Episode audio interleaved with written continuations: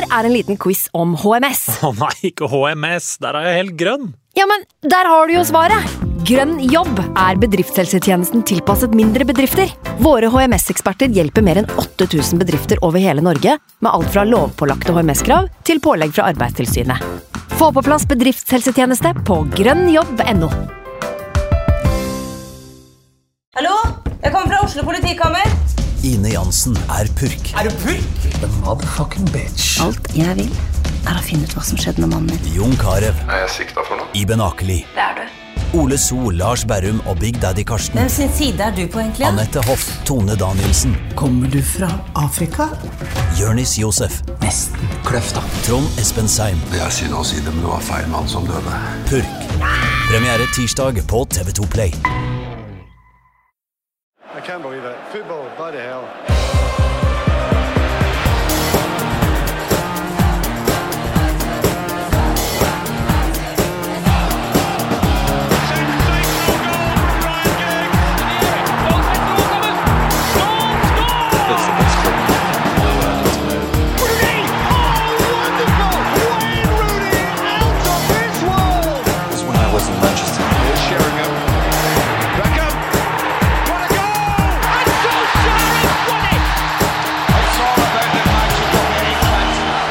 Velkommen skal du være til nok en episode av United We Podcast. Mitt navn er Ken Vasenius eh, Nilsen. I dag så har jeg med meg sportsdirektør for eh, NTG, Øyvind Eide. Velkommen. Tusen takk. Også ekspert på kampanalyse, og gjør det for United.no. Det skal vi jo selvfølgelig bruke for alt det er verdt i denne episoden. Det er ikke så ofte vi eh, får meska oss i taktikk. Vi kan ikke noe om det. Så Derfor er det fint å ha deg her i dag, Øyvind. Eh, Mats, Mats Arntzen, tidligere journalist i VG, nå ansatt i Red Bull-konsernet. Velkommen til deg også! Ja, det stemmer det. Ja, der, ja, du jekker deg, deg litt av Red Bull. Ja, må nesten gjøre det. Altså, Hvordan har det å begynne å jobbe i Red Bull påvirka fotballinteressen din? Eh, Har du bytta fra Manchester United til f.eks. RB Leipzig? Nei, Det som er veldig deilig, er at nå har jeg faktisk sluppet å, å være på jobb hver eneste helg. Så nå får jeg Ja. faktisk sitte oftere kanskje med noe godt i glasset, se kamp eller fire i sofaen. da. Ja. Uh, uten at uh, man må sitte og live en kamp eller to samtidig og komme på morsomme ordspill i VG Live eller hva det måtte Som var det som var jobben din før, ja. Eh, Stort sett. Har du noe inside på hvorfor Braut Haaland ikke valgte United? Eh, det har jeg dessverre. Du har ikke det, nei. Du har ikke kommet så dypt inn i konsernet ennå. Nei, men vi jobber med saken. Det er bra. Uh, vi skal snakke om to kamper i dag. Det er kampen mot uh, Brygge i Europaligaen. Uh, kampen mot Everton i Premier League. Um, vi har jo gitt deg oppgave i dag, Øyvind, å se litt ekstra på Everton-kampen. Litt på formasjonene, og også litt ekstra på Bruno Fernandes og hva han tilfører Manchester United. Så jeg tenker at jeg og Mats kan først begynne med å gå gjennom Brygge-kampen. Så kan du ta deg litt av kaffe og kverne litt i ditt taktiske hodet enn så lenge. Det var jo en uh, ganske takknemlig kamp, uh, dette her, Mats. Eh, Tidlig straffespark, tidlig rødt kort til Brygge, som jo gjør at United får en enkel match, egentlig. Eh, resten av kampen kan til og med hvile litt spillere, akkurat det de trenger liksom, i en så hektisk periode som nå. Det er ikke ofte man ser United vinne så komfortabelt. eh, eh, så United-fans har ikke vært bortskjemt med det de siste årene. da. Nei, absolutt ikke. Eh, Vi må, vi må nesten diskutere litt eh, det der straffesparket og det røde kortet der. Ehm, Det er jo Daniel James som skyter, og så er det jo da uh, Daly som rett og slett leker keeper. Hiver seg ut og redder med hånda. Selv om Mignolet kanskje så ut som han hadde dekning på det. Ja, Det jo Trodde kanskje han hadde Pickford bak seg. så... Ja, kanskje det. Eh, rare greier. Eh, var jeg inne og sjekker det? Og så blir det da stående som både rødt kort og straffespark. Eh, var du enig i at det skulle være det, eller? Jeg kan ikke se noen annen grunn, og jeg Nei. så vel ikke helt grunn til at det skulle ta et kvarter å finne ut av heller. Nei. Eh, veldig rart, egentlig. Ja, er ikke det litt sånn- sånn Absolutt alle som så kampen, tenkte vel Og så skjønner jeg ikke hva det var å se så lenge på. Nei. Det var sånn eh, Hvis det var clear and obvious, som de sier, så tror jeg, tror jeg man kunne brukt kortere tid enn det, og det var jo Ja. Det var veldig rart. Ja, det var veldig merkelig at det skulle ta så lang tid. Eh, Men eh, straffe ble det. Den eh, satte selvfølgelig Brune Fernandes på sitt eh, sedvanlige Jorginho-vis, som visstnok er den stilen han bruker. Eh, så får jo til og med Odion Igalo seg et mål etter 34 minutter. Hans første for United. Det var stort for han. Ja, det, var, det tror jeg var gøy for han. ass. Det kjente jeg at jeg, det likte jeg litt. Ja, han er litt fin, da. Så Ja. han har liksom kommet inn der og Man har liksom ikke så store forventninger, men allikevel så gjør han en jobb, da. Ja. Uh, og man ser på en måte hvilke ferdigheter han har, og han har, har jo sa det jo til og med før han begynte, han var veldig bevisst på selv hvilke, eh, hva han kom med til bordet. da. Mm. uh, og er jo også veldig nær å bli matchvinner, vel mot, eh, mot Everton. Altså. Ja, han er jo det. Um, er jo en syk ball først av Bruno Fernandes her til Juan Mata, legger den ned til Igalo, eh, og det er 2-0 til United. Um, og så vinner eh, Bruno Fernandes ballen. Spiller den til Fred, til McTominay, som eh, er tilbake igjen på banen. eh, får sitt første mål på en stund. Også deilig å se. Et litt stygt øyeblikk i det 63. minutt hvor uh, Mignolet kneer Tai Chong. Husker du det? Han går rett ned for telling. Jeg lurer på om jeg på et eller annet tidspunkt eh, var litt over på Fulgte litt med Arsenal på et halvt øye der også. Da Ja. vi var oppe i, oppe i 4-0, så tenkte jeg at ja, nå tror jeg dette skal gå, gå greit. Det var mer spennende kamper i Europaligaen eh, denne dagen. Det var det. Det var Eh, heldigvis for United. Eh, til slutt så eh, skjer det også noe veldig sjeldent i det 81. minutt. fordi da får altså Jesse Lingard seg en assist. Nei, og hellige makt! Det er lenge siden det har skjedd! Og Fred. Og Fred skårer! Fred skårer. Det er også lenge siden. Men en mann som har vært god veldig lenge, syns jo jeg, da. Eh, og som eh, jeg forsvarte også i denne podkasten vel, da han var eh, litt eh, eh, for, forhatt blant United-fansen. Han gjorde, på en måte, var litt utskjelt. Mm. Eh, men jeg syns man kan se på en måte mye av det potensialet han har vist glimt av før. da. Ja. Eh, og at eh, han nå eh, har tatt ganske store steg. da. Eh, Ja. og det, er- det er godt å se. og Hvis han begynner å eh, sette ballen i mål i tillegg, så kan det jo bli ordentlig gøy. Ja, han blir jo til og med tomålsskårer mot uh, Brygge. Skårer igjen i det rundt, rundt 90. etter en assist fra Tai Chong. Eh, konklusjonen er vel behagelig kamp. Får til og med bytta litt hvilt litt på slutten og gå videre enkelt. McTominay er tilbake. Alt er bra. Egentlig Det eneste lille nedturen med den kampen var jo at Martial ikke starta fordi han har blitt skada, men det viste seg jo at det var ikke rare greiene han sleit med, så han er jo tilbake inn mot Everton igjen. Det så veldig, så veldig greit ut, det. altså. Ja. Skal vi dele ut noen poeng eller til Uniteds uh, tre beste spillere mm, i Europaligaen mot Brygge? Tre Um, poeng er vel ganske greit, eller? ja, Jeg tror det er Bruno som skal ha, ha det. som vanlig. Han har vel tatt alle trepoengene tror jeg, siden han kom til klubben, nesten. Ja, jeg vet ikke om det er en sånn ny forelskelse, eller om det bare er rett og slett at eh, ja, han er så god som United-fans eh, håper. Det får, får vi se hva Øyvind har å si. Ja, eh, men jeg er enig i den trepoeng til Bruno, den er grei. Og så har jo Fred en stor Fred- match da, med to Fred var den jeg også tenkte på som, ja. som uh, nummer to. Da setter vi Fred på to. Og så er jeg litt usikker på den siste der. Ja, der er det jo, altså Jeg syns jo Juan Mata har en ganske bra kamp. Ja, han er jo alltid god i sånne kamper. Ja, mot ti mann, og han liksom eh, Ja, eh, får liksom spille på sine styrker, så det var jo en, absolutt en kamp for han. Ja, det var det. Skal vi sette den på ett poeng, eller har du noen bedre kandidater? Nei, han kan få den. Det er fortjent, det. Da slår vi til med det.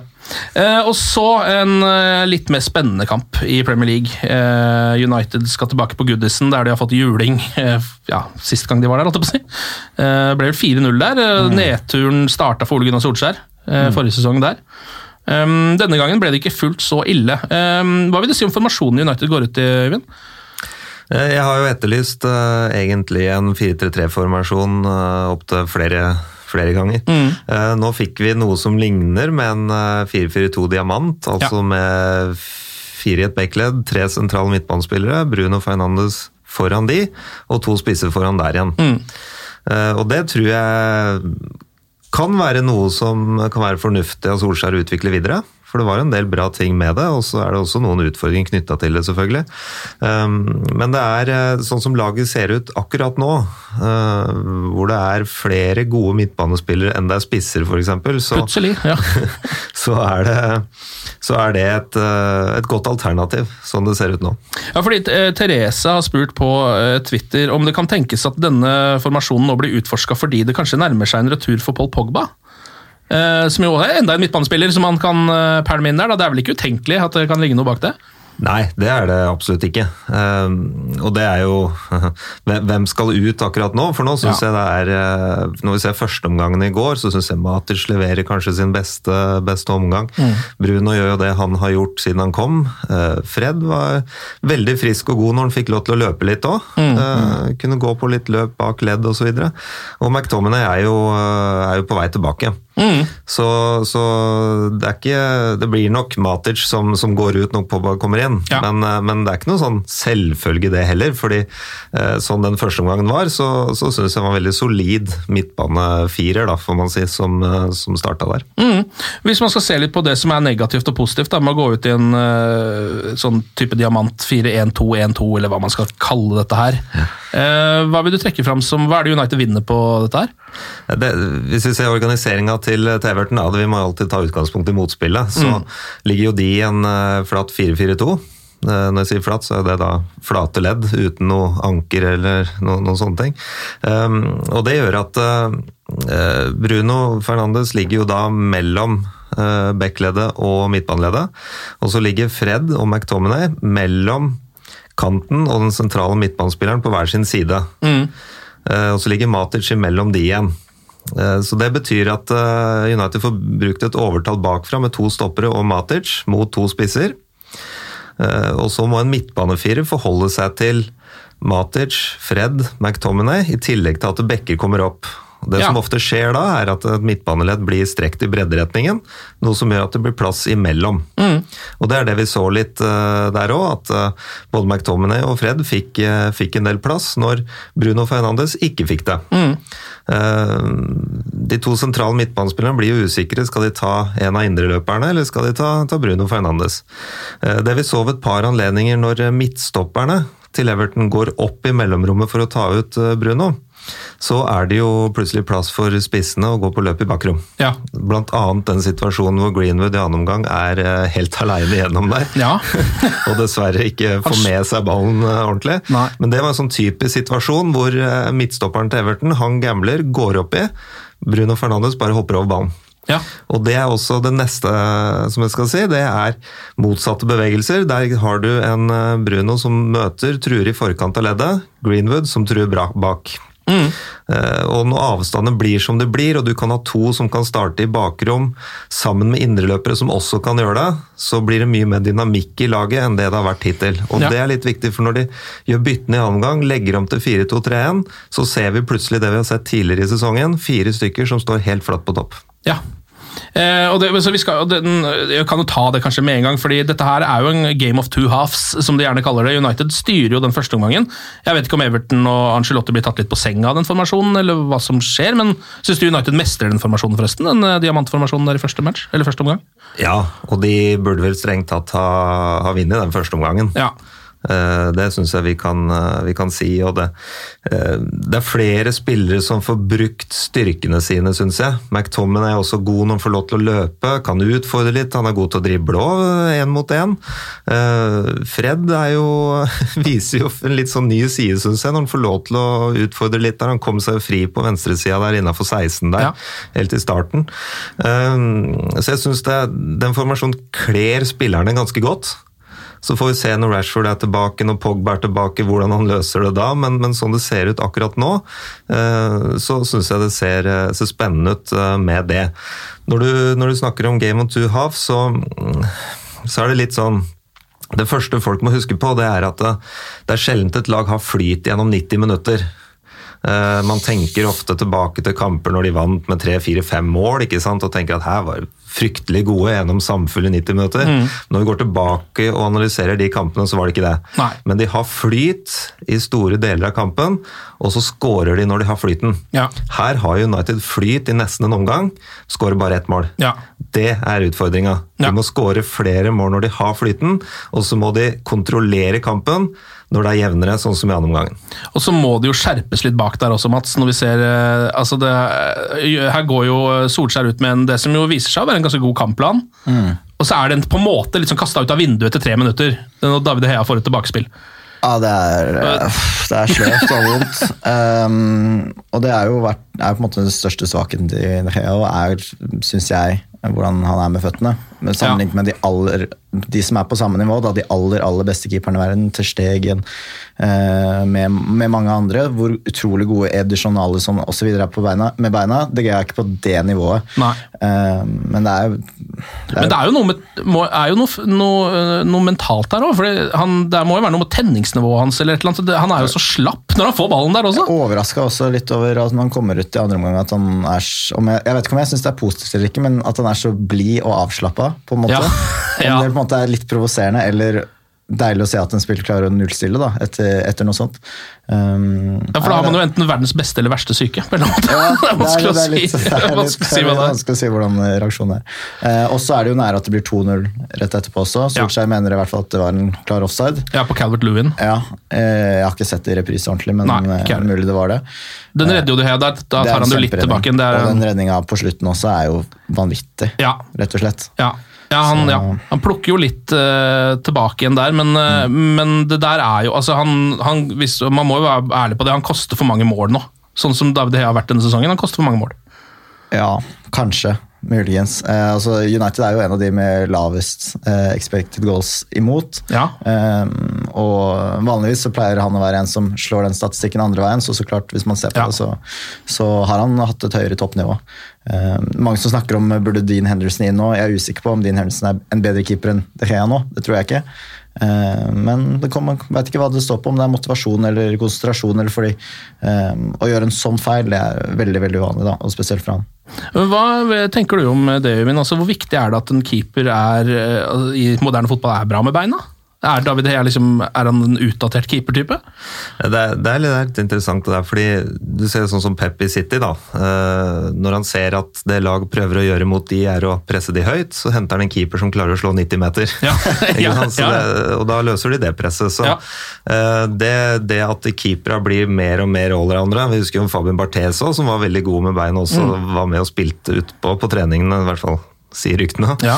Eh, Så, så det, er, det er ikke noe nytt at keeper keepere må være bra med beina. Du må jo tilbake til begynnelsen av 90-tallet og ikke var lov til å plukke opp ballen med hendene. ikke Ja. sant? Altså, så, så det, men, men, eh, men absolutt det å kunne beherske i hvert fall det å spille ut ballen når du ikke har noen motspillere nærmeste motspiller er 15 meter unna, og det ender med mål imot. Eh, da, da er det et soleklart tegn til meg som trener i hvert fall, at den spilleren har ikke gjort forberedelsene sine til kampen. Ja. Det er soleklart. Den har altfor lavt spenningsnivå og eh, ja, har rett og slett ikke gjort eh, sine individuelle forberedelser. og Det er, det er dems eget ansvar å være fit for fight, altså. Og det, det var soleklart at den ikke var. Men det vi ser etterpå, det kom en situasjon som vi nettopp snakka om rett etterpå, hvor han får en lang finger på, på kula der. Um, da har han fått en vekker, Ja. men det kan ikke være sånn at du skal slippe inn et mål for å være klar til kamp. Nei. Det, da blir det vanskelig å vinne fotballkamper. Jeg synes Alt avhenger litt av reaksjonen hans nå, da, de neste matchene. Eh, altså ut sesongen, Hvis eh, det er en Rea som har fått, fått seg en vekker som varer i mer enn eh, de neste to-tre minuttene etter den feilen, så vet man jo hvilket nivå han har. Det er ikke som om Ja. han har blitt en dårligere målvakt, men eh, for meg da så har det virka som om det er litt sånn at det går litt på som du sier, sløvhet, tenning, konsentrasjon. Eh, fordi ferdighetene hans er ikke noe dårligere enn tidligere. Nei, nei, absolutt Og ikke. han er også en keeper som har basert keeperspillet sitt veldig mye på ikke på flaks, men på sånn som man, man så på for eksempel endringen på hvordan han s- sperra vinkler da, på skudd nær, eh, nærme.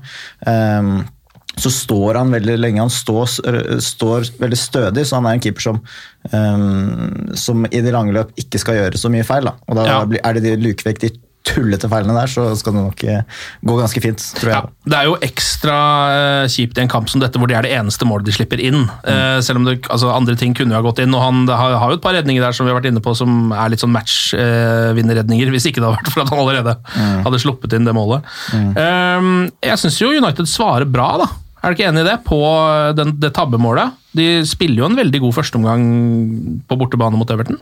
Ja, og der er det noe annet som jeg syns er en liten gjenganger hva gjelder eh, trenerteamet her. At de, de har eh, veldig ofte, syns jeg, en god plan fra start. Ja. Eh, Det har de her òg, og du ser på spillerne at de er veldig lojale til den, selv om de slipper inn et tullemål etter noen minutter. Så de gyver løs, og de holder på å utligne nesten med en gang med Matic der. og Ja. de, de dominerer spillet de neste ti minuttene, er de suverene. Um, Men så, men så gjøres det noen grep underveis i kampen som, eh, som jeg syns uh, trenerteamet ikke greier å svare like godt på. Uh, Angelotti de, de overtar litt mer av spillet, de er flinkere til å vende spillet f.eks. Uh, noe som er en litt utfordring når du spiller diamant. Du kan være bra på første press. Ja, vi ser det spesielt på, på skåringa når, eh, til, til United. Når, når ballen går ut til bekken til Everton, så er det Fred som indreløper som går ut og presser. Og da er det potte tett på den sida. Det er ingen vinkler inn å spille inn på, for der står alle markert. Maters får den ballen. Et touch opp til, um, til Bruno, som lar den bare trille og fyre løs. Ja. Og det, det, er sånn, det er sånn presset kan se ut. Men hvis de er litt for seine i det presset og får en vending av spillet imot seg, så må du begynne å løpe diagonalt ned mot eget mål, og da begynner det å slå litt sprekker. og Det skjedde en del i annen omgang. Svaret etter hvert, kanskje i kombinasjon med at han måtte ta ut McTominay og sånn, det, det, det vet jeg ikke, uh, blir jo 4-2-3-1, Ja. men da blir det også vesentlig svekka i angrep. Ja, for det er jo det Bjør, eh, Rudeboy, Bjørn Rudsagen, eh, spør om på Twitter. Hva er det som skjedde i andre omgang? Eh, og det er, det, er, det, ehm, er det rett og slett formasjonsendringen som gjør at United kommer bakpå der, eller? Nei, det, det, det er For å ta litt tilbake til det jeg sa i stad. Altså det å avgjøre kamper når du har flyt, det er nummer én. For du kan ikke forvente å ha flyt gjennom 90 minutter. Nei. Så det å ha, kunne vinne i førsteomgangen med ett eller to mål, og kunne kontrollere annenomgangen, så trenger du ikke å briljere i annenomgangen. Det er ingen som hadde stilt spørsmålstegn ved den kampen her. Om. United hadde vunnet 2-1, og annenomgangen hadde vært litt sånn som han var. Så du vil liksom ikke skylde på Solskjærs formasjonsendring? Nei, ikke, nød, ikke nødvendigvis. Nei. Men det er bare deler av bildet. Så kommer det neste, og det er jo at spillerne blir mer stillestående.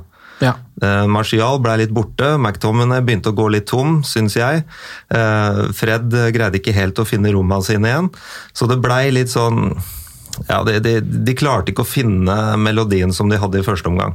Eh, I takt med at det må gjøres bytte, som jeg tipper at tvinger seg fram, sånn Ja. som han bytter i hvert fall.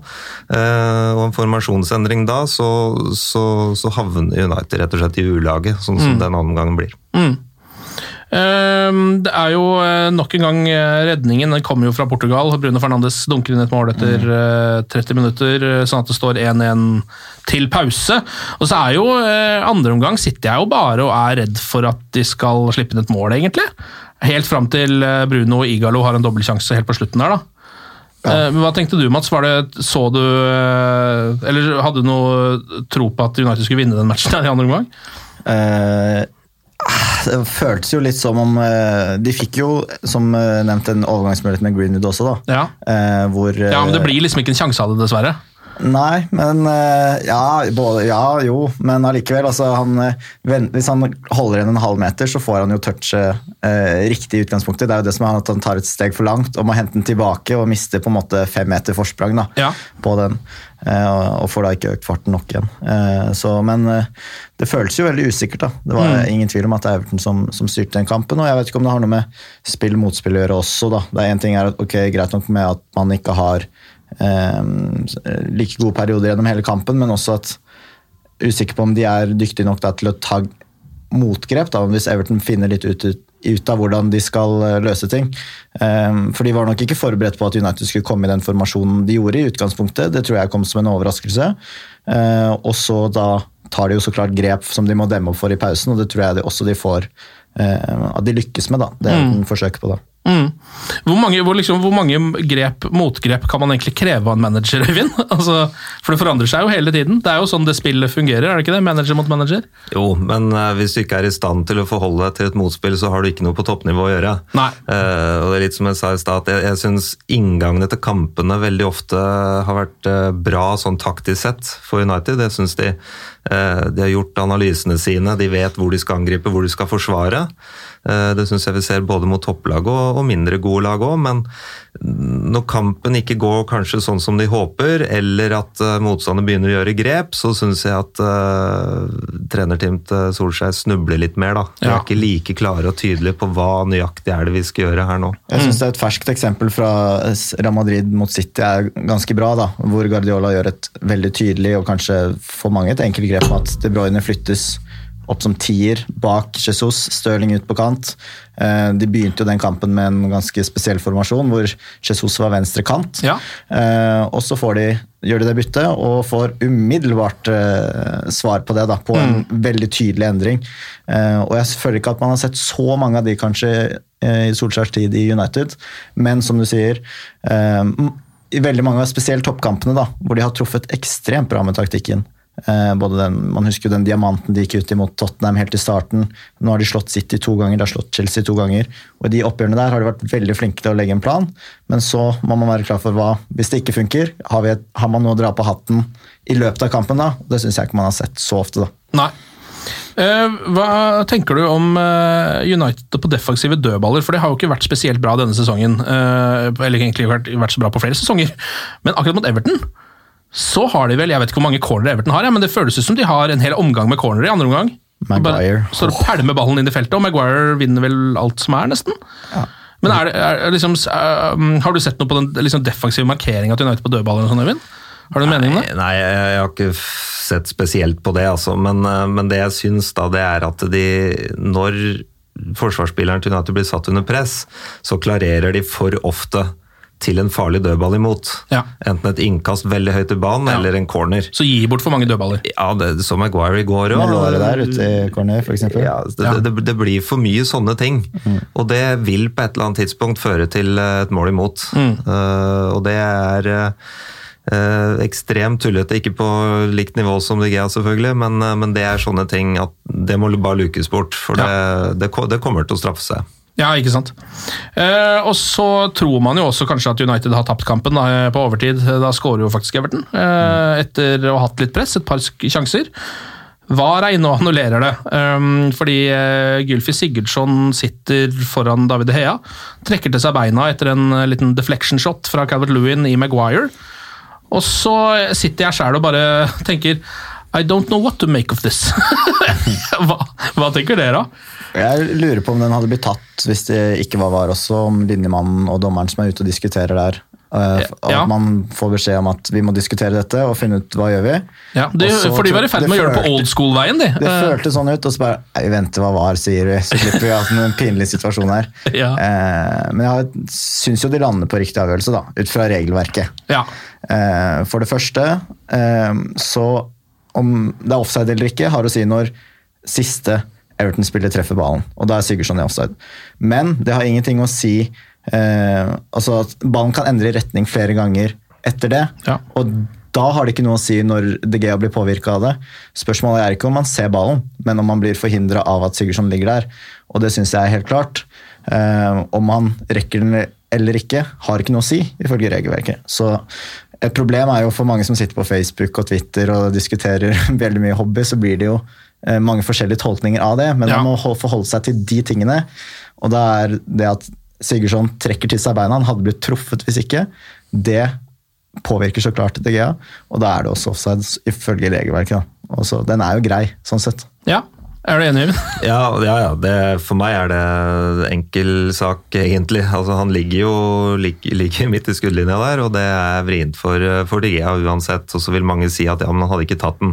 Men jeg tror hvis, hvis vi alle som er kritikere til situasjonen der, og hadde fått lov til å stå i De Gea sine sko, Ja. så hadde alle opplevd at det der er forstyrrende. Ja. Så, så enkelt er det. Og da er regelverket klart. Da er det også. Ja. Og så eh, er det en annen sak, det er jo at Sigurdsson blir klippa ned av Fambisaka og, og blir liggende ganske lenge. da. Ja. Eh, hadde han kommet seg opp på beina der, så hadde han Han kunne jo forhindra det selv, da. Ja, sånn sett, ja. Eh, men at dommer ikke dømmer på at, på at noen blir klippet ned etter at de har fått avslutta, det er man jo vant til. Så ja, faktisk. Det er jo litt sånn vet, det, det er også litt sånn don't know what to make hvis of du får it-regel. skutt, så kan du jo ja, Ja, da er det bare Du kan drepe noen etter at de har skutt. Det er Sånn ikke er noe å tenke på. Men det, den er litt vrien, vet du, fordi at du, du får på en måte håper å si, en slags dobbel sjanse i, i gåsetegn om Ja. du først skal få lov til å skyte, og så blir det redning, og så blir du klippa ned. Så, det, blir litt, det blir litt som om hvis du blir felt på midtbanen, så ville du dømt fordel, og så ville du kommet så langt at du kunne ikke trukket situasjonen tilbake. Mens her blir på en måte det komprimert i en veldig kort periode, da, hvor du måtte få fordelen, og så går du i bakken, og så Ja. blir det jo da ikke straff. Så man, den linja der er man jo vant til. Ja. Så det går nesten ikke an å si noe på det. Men uh, hva tenker du, Øyvind, om uh, altså, når Bruno Fernandes er jo nok en gang inn og redder et poeng for Manchester United? Ikke bare med målet sitt, men uh, hele matchen han spiller. Hva er det han tilfører dette laget her, da? Først og fremst er han en eh, United-spiller. For å si det sånn, Vi som har fulgt United i mange år, så, så syns jeg det at eh, når vi ser United, nei, Bruno utpå der, så når han får ballen, så forventer du at det skal skje noe. Ja. Du ser på hele kroppsspråket at han har lyst til å true framover. Enten ved å føre ball, eller gå på løp, eller spille andre på løp. Det, det er liksom en sånn tydelig initiativ overfor han at han vil fram i banen. Eh, og det smitter veldig på de andre. Og det er litt av, litt av nøkkelen her, at nå nå ser Marcial at nå kan han gå på harde løp inn bak, for han veit at nå kommer i hvert fall et forsøk på at den ballen kommer, Ja. og den kan komme fram. Eh, og Det samme gjelder initiativ inn i mellomrommet òg. og det er den store forskjellen, sånn jeg ser det. Det er at de andre spillerne har mer tro på at nå kan det komme en god gjennombruddspasning. I tillegg til det, eh, jeg hadde et godt eksempel i forrige kamp, eh, som går på de gjennombruddspasningene han slår, altså langs bakken, så har han en større evne til å kamuflere pasningene enn det andre har. Eh, For å illustrere litt, så, så var det en situasjon i, i kampen mot Watford vel, hvor Fred har kommet seg høyt opp i banen og skal slå en stikker gjennom backleddet. Han slår den med innsida av foten. Det gjør at han må vri på hofta, kneleddet må ut. Og det kjøper jo forsvarerne tiendedel, for nå ser jo forsvareren at nå kommer en pasning. Eh, mens når Bruno Fernandes slår den, så kan han slå den med utsida, han kan slå den med tuppen, han kan slå den med vrista. Det er få signaler, om noen, for en forsvarsspiller å lese at nå kommer en pasning. Ja, ja. Eh, Så det er en ganske stor forskjell, da. Eh, Kombinert med det blikket han har, selvfølgelig, og den romforståelsen han har. Hva med det han gjør uten ball, da? Er det, hva tenker du om bevegelsen hans? Sånn? Er det, skaper han, eller Beveger han seg mer enn de andre United-spillerne? For Det virker jo noen ganger sånn. Eh, Han beveger seg i hvert fall smartere. Ja. Og han er flink til å se hvor er det viktig å være om ett sekund. Eh, og det å være i forkant av situasjoner, da, ikke sant? når uh, han, han ser hvor de andre kommer til å gå, han ser hvor forsvarerne kommer til å bevege seg, så forholder han seg til det. Så det å kunne lese motspillet sånn som han gjør, da, eh, for så å posisjonere seg, orientere seg i forkant, så kan det se ut som du sier, at han løper fryktelig mye, fordi han er liksom i det riktige rommet hele tida. Ja. Eh, Men hvis du følger bare han, så kommer du til å se at han står en del stille og titter veldig mye rundt seg, og så beveger han seg ganske hardt inn i det rommet som han ønsker å oppsøke. Jeg har et mantra som sier at det er bedre å stå riktig enn å løpe feil. Og der er kanskje han og eh, Lingard eh, veldig ulike, da. Eh, Ja. Spesielt offensivt. Eh, Jeg vet ikke om det er Cruyff kanskje som er mannen bak det sitatet, men allikevel eh, eh, Man ser at Bruno Fernandes er en veldig tenkende fotballspiller, da. Som er ekstremt flink, som Øyvind sier, til å liksom finne de rommene. Vanvittig skudd. Da. Så han nå var misfornøyd med skuddfoten sin i forrige kamp. Ja. At det burde bli bedre. Ja. Det er litt sant. En keeper med armer kan, hadde kanskje tatt den. Stopperen til Brugge, f.eks., kunne Ja. jo tatt den. Ja. Eh, men, eh, ja, det er, men det er deilig å se en United-spiller som ønsker å skape noe, og som har den selvtilliten når han ender karrieren til CDB ut på siden der. omtrent. Fy, den skuddfinta der er så kamuflert og god. Ja, det er så vidt han, det er så vidt han finter. Det er jo det som er deilig. Ja, det, er bare litt så, kropp, det liksom. er så utrolig vakkert uh, å se på. Uh, så hvis han skal begynne å skyte enda bedre, så blir jo no, det noe å glede seg til, i hvert fall. Når det gjelder de bevegelsene der, er det, går- øh, det her er, blir jo å spekulere, men hvor mye av det er uh, hjernen til Bruno, hvor mye av det er instruksjoner fra Ole Gunnar Solskjær? Eh, Det er eh, Bruno. Ja. Sånn jeg har eh, opplevd eh, Solskjær sitt, eh, sitt angrepsspill, så er det veldig mye overlatt til, til spillerne. Han har noen retningslinjer, men så er det stor frihet innenfor de retningslinjene. Da er du nødt til å ha spillere som, som Bruno Fernandes. Hvis ikke så går det veldig i stampe, og det er jo det vi har sett Ja. hittil, egentlig. Og det er det vi også ser når det blir eh, 4-2-3-1 her, at det, det blir vanskeligere for spillerne, fordi at de, de, de går opp og steller seg i leddet der oppe. I stedet for når de spilte sånn som Diamant, hvor det var flere som kunne bevege seg, som gjorde at Bruno fikk større rom. Nå ble Bruno plutselig stående alene i mellomrommet. Han er avhengig av at andre kan skape rom, han også. Mm. så, så det handler ikke bare om han, men i samspill med de andre så kommer han til å bli fantastisk god hvis de også greier å forholde seg til eh, den måten han spiller på. da. En ting jeg vil trekke frem fra, med, med den formasjonen som var veldig på, positivt overraskende, var hvor eh, delaktig Van Bissaka var offensivt. fordi det har jo vært noe man har etterlyst lenge. da, Og mm, hvor mye er det han egentlig har å bidra med? Eh, men nå gikk han både på utsida, han hadde også et forsøk på et veggspill innover i banen mot Ja. 16-meteren, og det var liksom eh, litt flere strenger å spille på. da, og Det er veld, veldig viktig hvis det der skal fungere også, at, at bekkene er eh, i stand til å være offensive breddeholdere. da. Ja, for man mister vel litt bredde med den formasjonen, gjør man ikke Øyvind? Altså diamantformasjonen. Jo, og det er jo eh, Ja, det, det er to måter å se det på, da. Eh, Det ene er jo at eh, forsvarerne eh, kommer til å konsentrere seg veldig mye sentralt, fordi det er mange spillere sentralt, som gjør at du vil få mer plass til bekken på utsida. Eh, Vi så noen ganger, Matic bl.a., fikk eh, dreis på langpassingfoten, og spesielt slo han ut mot, eh, mot Shaw.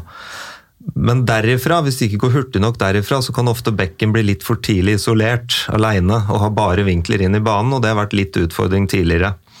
Eh, men det vi så på Marcial nå, var at han la seg en del ut mot venstre.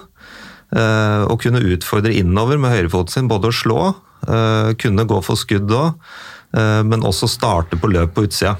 Og det er noe også som kan gjøre på motsatt side, hvis f.eks. Rashford da hadde, hadde spilt, eller om han spiller der når han kommer tilbake. eh, At den ene spissen kanskje går litt breit, den andre legger seg inne mellom stopperne.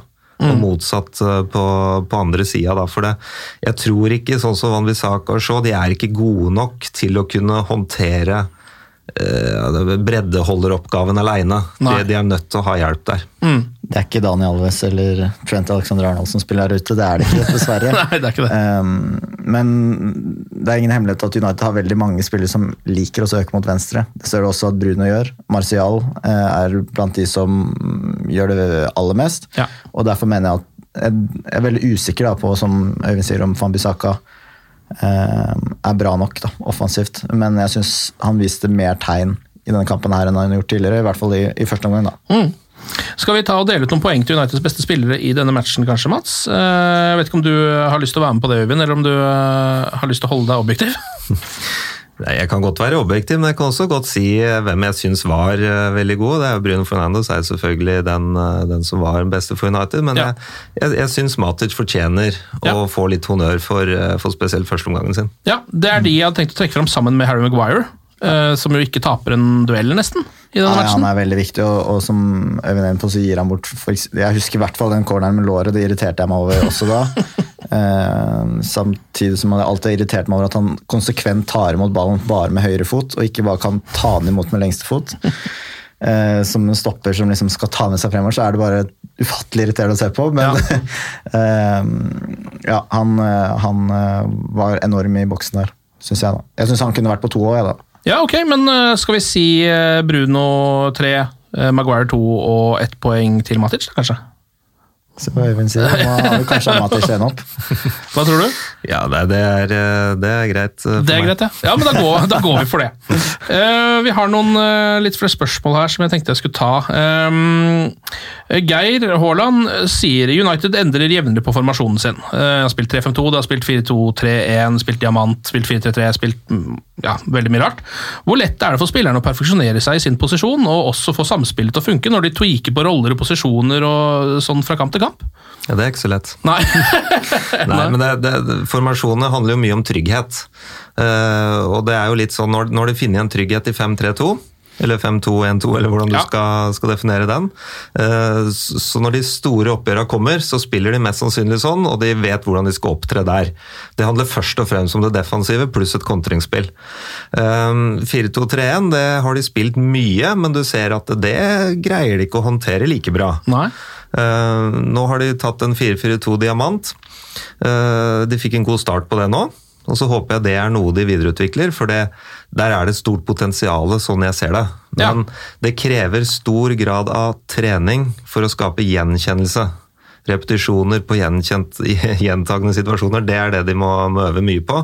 Så det å bytte veldig mye mellom formasjoner, det har jeg ikke noe tro på. Men det å bytte mellom f.eks. en 4-4-2 diamant og 5-3-2, det går helt fint. Ja. Og så er det en utfordring også at de omtrent ikke har vinger tilgjengelig. da, Typiske vinger. Eh, Ja. Både som følge av skader og også kvalitet. Eh, og det har jo vært et problem som har vært lenge. Eh, når var det de sist- sist hadde en ordentlig eh, god, eh, god spiller som trives først og fremst som høyrekant? Det er en stund siden. Ja, det er det. Um, nå har De jo liksom, altså de kantene de har, er jo også litt sånn altså Daniel James er jo en rein kant, da, eh, for så vidt, men han er, varierer jo litt i prestasjonene sine. Eh, Rashford er jo liksom ikke en han er jo ikke en rein kant, han er jo mer en eh, slags spiss som later som han spiller wing, på en måte. Eh, og Martial er jo egentlig Er det litt det samme. Så.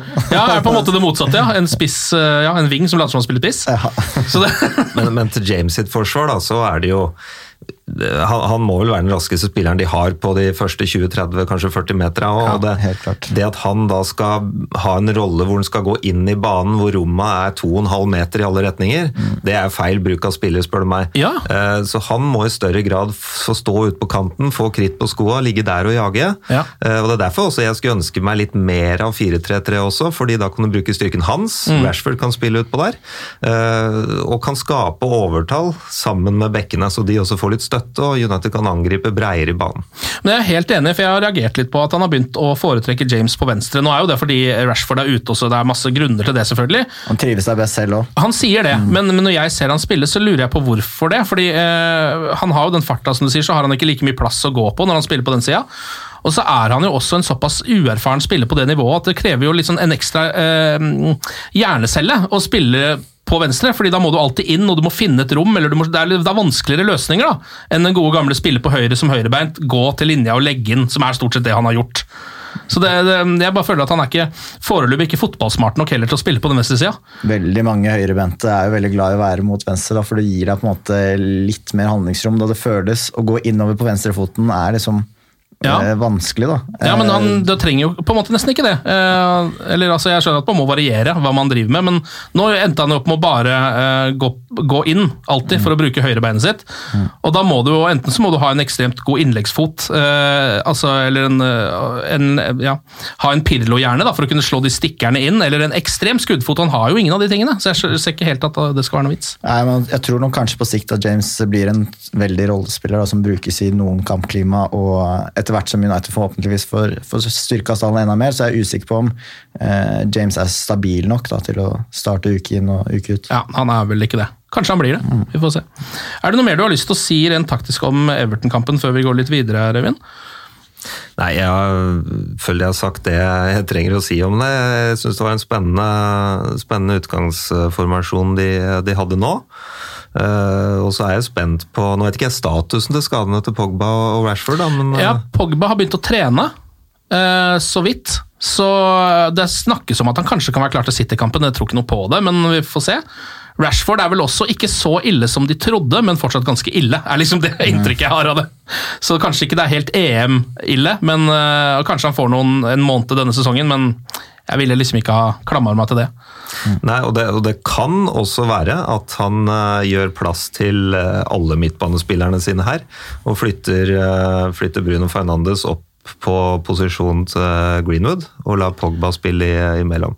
Ja. Det, det, det, kan hende. Ja. Nå, nå, spekulerer jeg mye i det, men hvis, hvis, Pogba kommer tilbake før Rashford gjør det, og han vil ha Pogba inn i elveren, så, så ryker enten Matic, eller at han kan gjøre det på den måten der. Ja, altså da sette Tenker du på da én en diamant, og så føre, øh, øh, føre Bruno opp som en slags andre spiss, liksom? Ja, det, det blir det. Og så kommer Bruno til å vandre mye mer, så Marcial kommer til å ligge mer aleine der oppe, men da har du sterke spillere som kan gå på gjennombruddsløp. Altså, da har du mange. Da har du Fred, du har Pogba, du har Bruno, uh, McTominay. Altså, det er Unnskyld uttrykket, et helvete for Beckled å ta imot de ryddeløpa der, altså.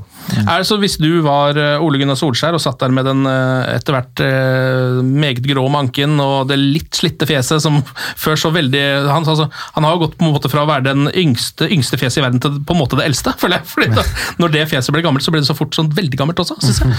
Eh, men hadde du da eh, prøvd å perfeksjonere denne diamantformasjonen og gått for den? Eh, som sagt, jeg, jeg, ønsker meg jo egentlig wingspillere her for å få mer bredde, for jeg savner mer bredde. Men med den stallen de har, med den, med skadesituasjonen sånn som den er akkurat nå, ja, da ønsker jeg at de fortsetter med det her. Når Pogba kommer tilbake, kan godt hende de skal beholde samme formasjon, få ut Greenwood. Eh, og inn med, inn med, Pogba. Og så kan det godt hende du skal børste støv av den gamle juletreformasjonen nå. 4-3-2-1. Ja. ja. med, med, Pogba og, og, Bruno Fernandes i mellomrommet der. Ja, Det kunne vært spennende. Eh, det kan være spennende, så du skal ikke, skal ikke kimse av å bruke alle de samtidig, skjønner du. Men Nei. det, det ja, jeg, er uh... Det er veldig mange United-sportere som er opptatt av det. skjønner du, Hvordan skal vi få plass til alle disse? For det er jo våre beste spillere nå, er jo midtbanespillerne. I hvert fall mange av de. Og så er, er det en liten fare å gå i, i, en felle her eh, som jeg følte at landslaget, norske landslaget for mange år siden gjorde. da. De skulle ha de beste spillerne ute på banen, ja. og så spilte Solskjær ut på en venstre kant ja. i 4-5-1 osv. Ja, ja. Og det, det, er litt sånn det er litt en feiging i veien ut av det.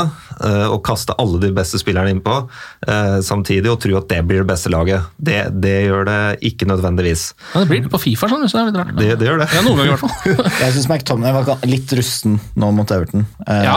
så, Det er ikke så rart, da. Det kan jo være fordi han har vært ute en stund. Eh, Ja. Men Han hadde mye energi i starten av matchen, og så nivå, nivået på midtbanen er høyere nå.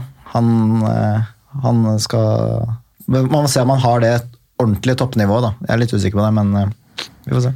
Ja, men som type så føler jeg han er såpass viktig. Han er veldig viktig. sånn eh, Du vet hva du får, da. Og han er jo stabil og eh, annerledes også enn de andre. Ja. Um, men mot svakere lag og litt sånn, så kan det hende at uh, han ikke alltid er like At man, at man behøver han i like stor grad. Da. Og det er jo Mm. en positivt tegn for United at de ikke er dønn avhengig av han, som de så ut til å være en ganske god stund. Absolutt. Eh, Vi, kan ta, vi var jo innom eh, disse skadene så vidt. Eh, Pogba altså tilbake i trening. Kan hende han er klar til City-matchen. Vi får se hva som skjer med den saken. Vi får jo også se om det er noe Altså om uh, han er uh, mentalt kapabel til å bare gå inn og spille fotball nå. Jeg veit ikke hvordan det er med mannen om dagen. Så det var noen som erfarte, altså sources, at han hadde sett på resultatene til United og fått med seg at de, det var bra, eller hva var et eller annet sånn veldig rar tweet. Det Så nå vil han liksom tilbake igjen? At det er det der? At han hadde liksom push-varsler på telefonen, eller hadde sett kampene, som om det var, liksom var der lista ligger. Så vi får Og se på det. Og så er det jo eh, Rashford, da Solskjær sa før kampen mot Brygge at, eh, at skaden var verre enn de trodde. Nå viser det seg at det kanskje ikke er så ille allikevel. Eh, De mener at skanningen har, har gitt positive resultater. Men også videre sier han da vi vil gi han den tiden han trenger. Han vil komme tilbake igjen, men det vil bli enda et par måneder før vi får se ham, sier han. Vi får se hva det betyr. Eh, ellers så du, har det kommet noen eh, Eller det ryktene har jo gått hele tiden. Eh, nå er det The Telegraph eh, som skriver at de mener at United leder han i kampen om Jaden Sancho. Han er jo den høyrevingen vi har snakka om her nå, vil jeg tro. Ja, ja. Hvis det er mulig, så er det no-brainer, spør du meg, da. Ja. Er du enig i det, Øyvind? Er det, hva tror du om Sancho eh, på høyrevingen til Manchester United? Ja, det, det jeg tror er viktig for Solskjær sin del på generelt grunnlag, da, det er å hente spillere som har en tydelig spisskompetanse. Eh, sånn som eh, Graylish òg, for den saks skyld. Eh, ekstrem fart inn i det laget her, som kan spille på kant. Det tror jeg kan utvikle det laget her mer. Mm. Eh, det snakkes jo også om en Madison, vel. Ja. Eh, og så er spørsmålet hva kan han bidra med når gruppa ser ut som han gjør nå? Ja, for Er han litt liksom den brun, altså Bruno før de fikk Bruno, på en måte, eller? Ja, og hvis du skal ha Pogba der òg, nå er jeg usikker på om han kommer til å stå der neste Ja, år, da. sikkert ikke. Men, eh, men det er jo litt i den kategorien. Mm. Eh, og vil, eh, vil kunne være med å gjøre ting i det laget her òg, men balanse er viktig. Det er ekstremt viktig å tenke balanse her. Vi husker Fergus nå, han vil jo alltid ha en Roy Keane eller Nikki Butt eller et eller annet ved siden Ja. av de som var kreative. Ja. Eh, og det er viktig i det laget her også. Mm. Men, eh, men, men det jeg Maguire trenger en ny midtstopper ved siden av seg, Ja. og må ha egentlig eh, en ny venstrebekk òg. Og så er jeg litt spent på hva de har tenkt å gjøre med, med keepersituasjonen. Ja, ja ikke sant? Eh, Men er det er, eh, Vi kan jo se hva dere begge tenker om det. Hvis det skulle liksom ha en, Det er én plass som skal forsterkes. Da. Hva, hva er det som Hvor brenner det på dass? Er det midtstopperen? Er det den høyre vingen? Er det keeperplassen? Hvor er det dere liksom ville gått inn og bare Det er jo ganske Det er jo tre plasser, så det er vanskelig å velge én av de. Ja. Eh, Keep-situasjonen er jo jeg, jeg mener jo at det er et luksusproblem. da. Ja. Eh, At Henderson har hatt en såpass god sesong at, eh, at de må ta et valg der. Ja. Og, og kanskje allerede nå. Uh, Og jeg tror ikke man får henta noe bedre keeper enn Rea nå, uh, tror jeg, da. Um, men det hadde vært deilig med en ordentlig høyreving. Jeg synes, altså Sancho er på en måte et så åpenbart Uh, åpenbar stor oppgradering på en posisjon de har mangla en høyreving så lenge. eh, at for meg, Hvis jeg kunne velge én, så tror jeg nok det er han jeg ville valgt. mm. Det må det også sies at De siste kampene jeg har sett av Dortmund, så har han spilt på venstre. Som alle andre. Som alle andre gjør. Men eh, skal, skal, selv om eh, jeg er enig i at Lindeløf ser shaky ut, men man skal ikke glemme at de har holdt 0-10 av 16 kamper nå. Da. Så, så noe er jo riktig organisering der. Jeg er jo litt overraska over at ikke Bailly eh, altså Etter den kampen mot uh... Jeg tror jeg bare går på det fysiske, egentlig. ja, At han ikke er klar for å spille to kamper på tre dager, og det sa vel også Solskjær. ja. Um, så jeg kjøper jo den. Ja. Eh, Så er det spennende å se om han er stabil nok. da. Det har jo vært mye opp og ned og skader, og han er jo altså den, der, den tråden med alle rare tingene Bailly driver og holder på med, med taklinger Ja, ja. og bryste ballen og Mye artig, rett og slett. Så, så er han, han er på en måte et show, han òg, da. Ja, han er jo det. Ja, da, da, da må du nesten spille med tre midtstoppere, så du kan ha to andre som rydder opp etter Ja, dem. det, Bare for å få plass til han innpå der. Nei, hvis jeg skal svare på samme spørsmål, da, så, så Selv om de holder nullen relativt ofte, så synes jeg det er såpass shaky at jeg veit ikke om det gir noe trygghet i laget. Eh, De gode eh, årgangene til United-laget har alltid vært prega av bånn solide midtstopperspill. Ja. Eh, Der har vi mange par opp gjennom tida. Vi husker veldig godt Vidic og, og Ferdinand, ikke sant? Eh, hva om en uh, Kalibali Nei, jo, det er det han heter, er det ikke det? Ja, Kalibali, ja. Kalibali, mm -hmm. som, eh, som kunne komme inn der i stedet. Så, så du veit at det er rock solid bakfra. altså. Å Ja. ha en sentrallinje som er knallsterk. Eh, Det ville også gi større trygghet i de offensive bidraga til, eh, til bl.a. bekkene. Jeg er enig i det, altså. Eh, og Lindeløf man, Det er bare å se han spille. Du blir usikker. Ja. Eh, og det å på en måte ha en tikkende bombe bak der Man føler jo det. at nå kan være som helst, Når han blir, liksom, blir plutselig løft, løpt fra Han virker nesten som han er i konsekvent ubalanse når han er i full sprint. Ja. Eh, han virker utrygg når han fører ball fremover. Flere sånne ting. Eh, så på sikt, men de må ha en som er bra nok, ikke enda en som er nesten god nok. Mm. Eh, Så de må enten hente deg fra øverste hylle, eller så får de vente.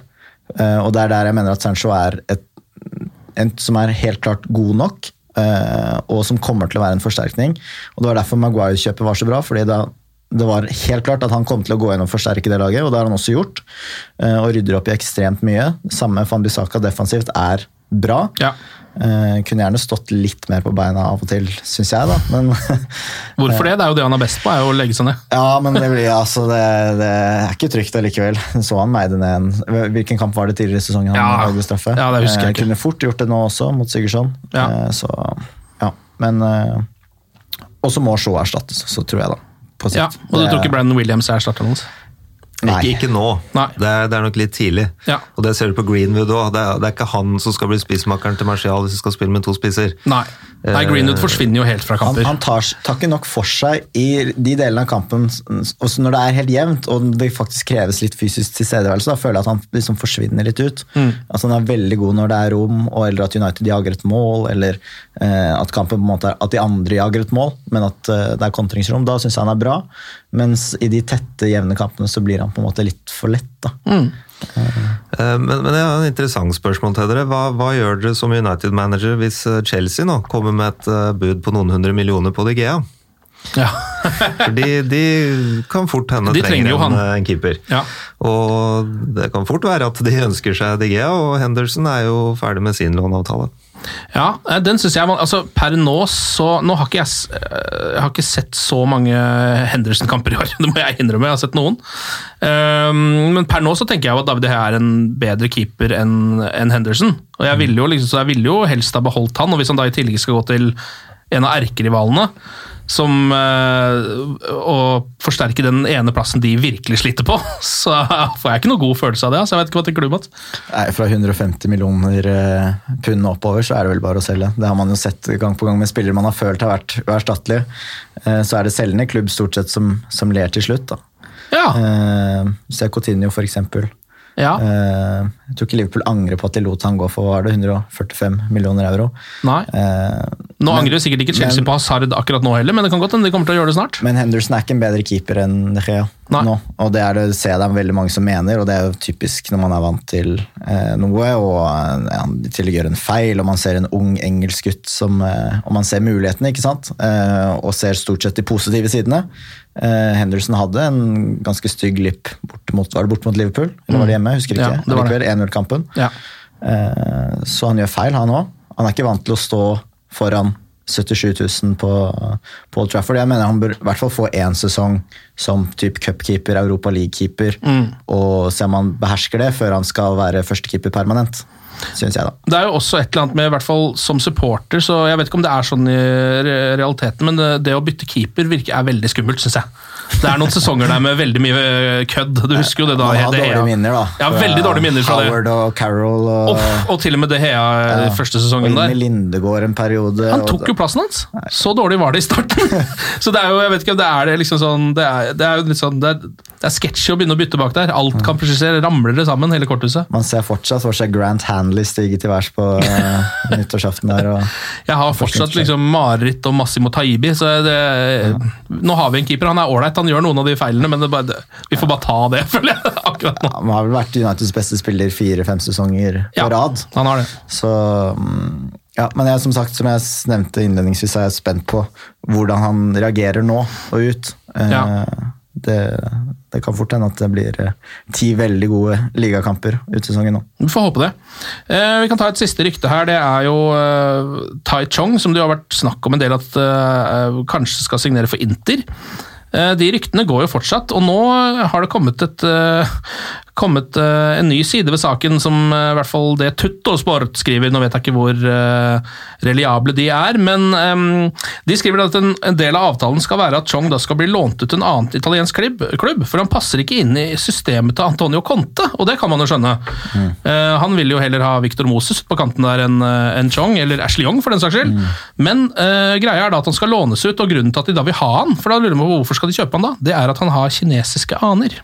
Så de mener at det da kan være en kommersiell dytt i retning av det kinesiske markedet på sikt, og bare ha han i tropp. Vi får se om det ligger noe bak dette her eller ikke. Eh, nå har jo han begynt å få litt spilletid også, Chong, eh, uten at han har kanskje gjort det spesielt bra. Blir ikke noe av Dong Fang-shu.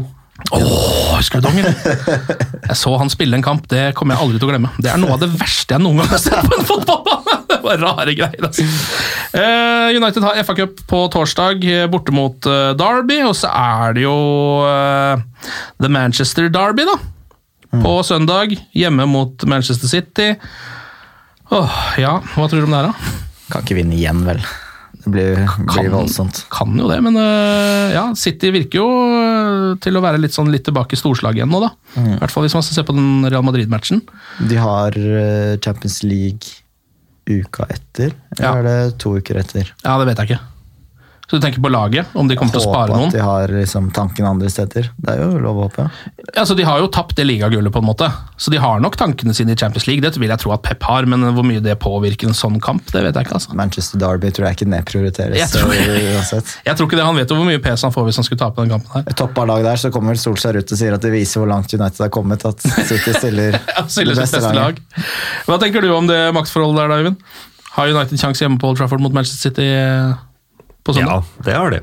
Eh, Hvor gode sjansene er, det, det vet jeg ikke. og Det skal bli spennende å se hvordan eh, Bruno Fernandes kommer til å stå i en kamp hvor United har mindre ball. Ja. Eh, City kommer jo åpenbart til å ha ballen veldig mye mer enn enn United. og Det kommer jo til å være inngangen av kampen fra Solskjær sin side òg. Garantert en 5-3-2 ja, eller 5-2-1-2. Ja. Eh, Så da, da får vi nok se en Bruno Fernandes som fort må flytte beina en del defensivt, og hva det vil påvirke han offensivt. Eh, Men i et overgangsspill så kommer han til å være uvurderlig. ja. Så da håper jeg det er noen kvikke folk som kan eh, sprinte på topp der, for de kommer til å få noen sjanser, altså. Mm. Så hvis de greier å holde nullen eller slippe inn maks ett mål, så tror jeg United kan vinne den kampen.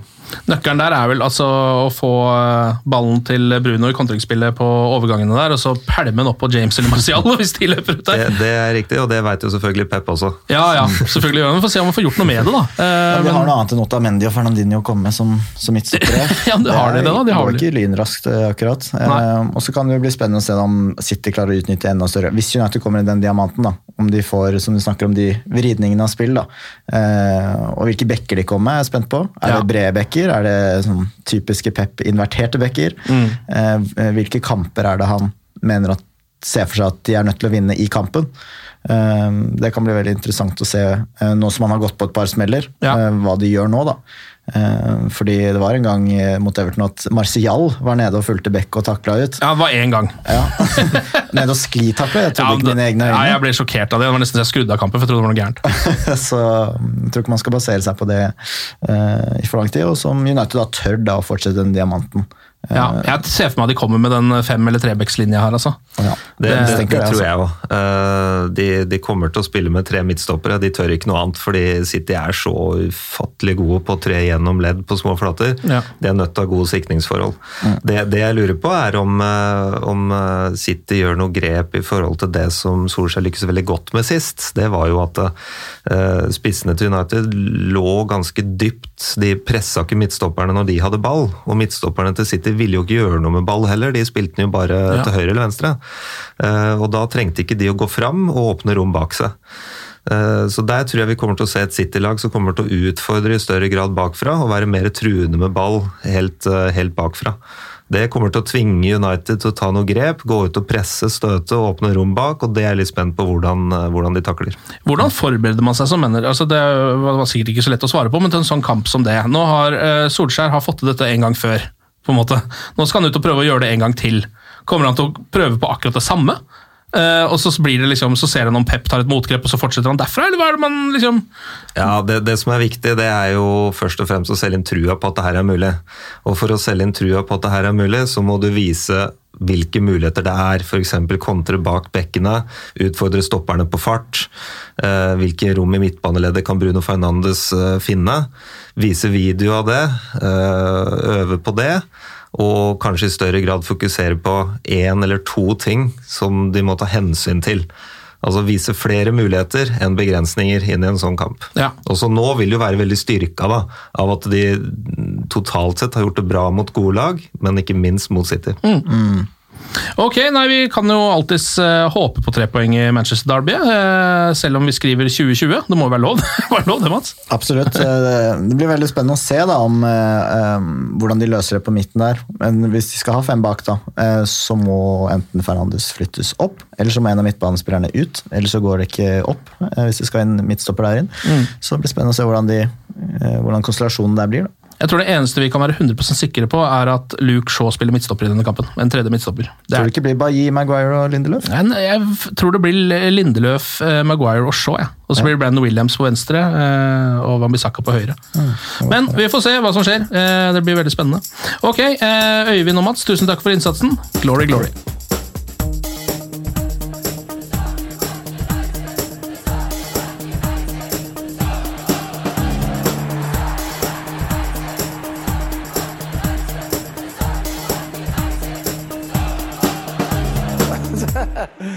True.